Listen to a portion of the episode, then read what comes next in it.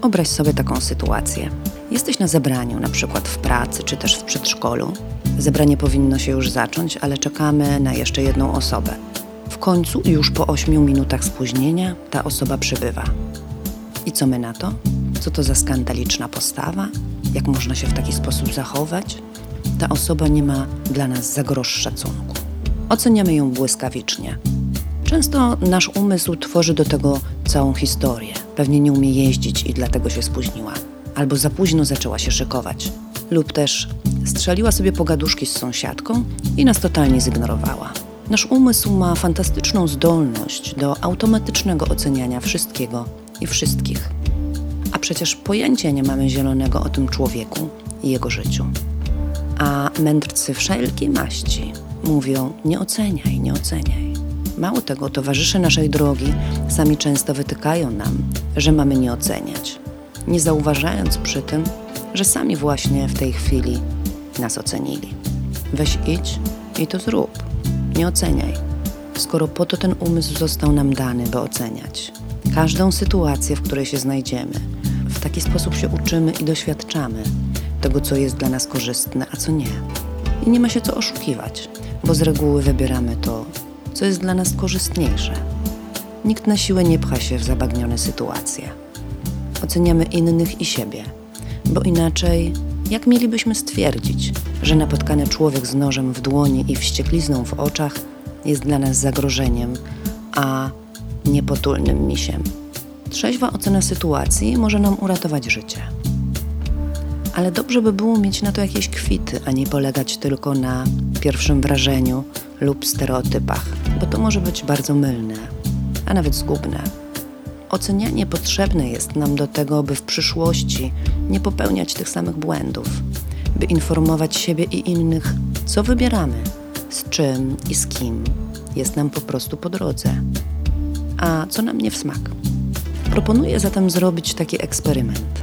Oceniaj wszystko i wszystkich bardzo świadomie, ale zaraz po tej ocenie zadaj sobie pytanie: skąd to wiem? Co mówią fakty? Jakie mam na to kwity? Dokładnie tak, jak to się robi w księgowości. Szybko się można za pomocą tego ćwiczenia przekonać, że dużo z naszych ocen to zwykłe iluzje, które jednak informują nas o tym, co takiego nas drażni lub zachwyca. A idąc dalej tym tropem, zachęcam do zadania sobie pytania: czego w takim razie potrzebuje mój świat wewnętrzny, skoro tak reaguje na spóźnienie jakiegoś człowieka? Czego tak strasznie ten nasz umysł się domaga, skoro twierdzi, że spóźnienie to brak szacunku? Bo przecież ocenianie każdej osoby odbywa się w naszej głowie, nie mając danych o dniu, życiu, drodze drugiego człowieka, a nawet mając te dane, nasza ocena będzie świadczyła zawsze o nas, a nie o nim czy o niej.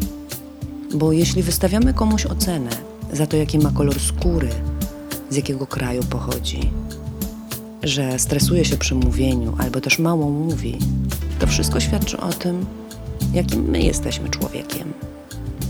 Bo jeśli on głupi, to co? Ja mądra.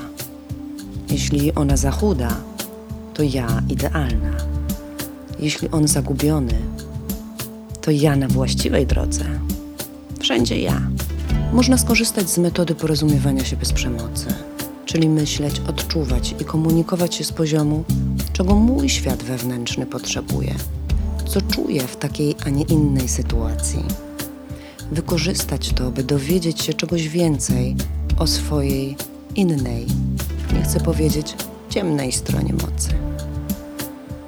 I uszanować to, że ktoś może mieć zupełnie inaczej. Nie jest lepszy ani gorszy, tylko dlatego, że nie posiadł umiejętności prowadzenia samochodu, tak jak Hołowczyc. Droga jest przecież dla wszystkich, nawet dla tych, którzy tak jak ja jeżdżą bardzo, bardzo wolno. I ja to szanuję. Dobrze też jest powyśmiewać te własne oceny. To jeszcze nikomu nie zaszkodziło. Przemienić ogień, czy to super pozytywnej oceny, czy też negatywnej, we własnej głowie w żart. Niezłośliwość. Humor bazuje na kontraście, a może czasem na konflikcie. Super poważne podejście do siebie i innych jest dość męczące i często zamykające nas na wiele ciekawych przestrzeni. Śmiech uwalnia tę nadętość i ważność naszych iluzji. Spuszcza powietrze z balonu. Zacząć proponuję jednak, jak zawsze, od własnego nadęcia. Nikt nas w głowie nie podsłuchuje. To super proste, ale nie musi być łatwe. Działko.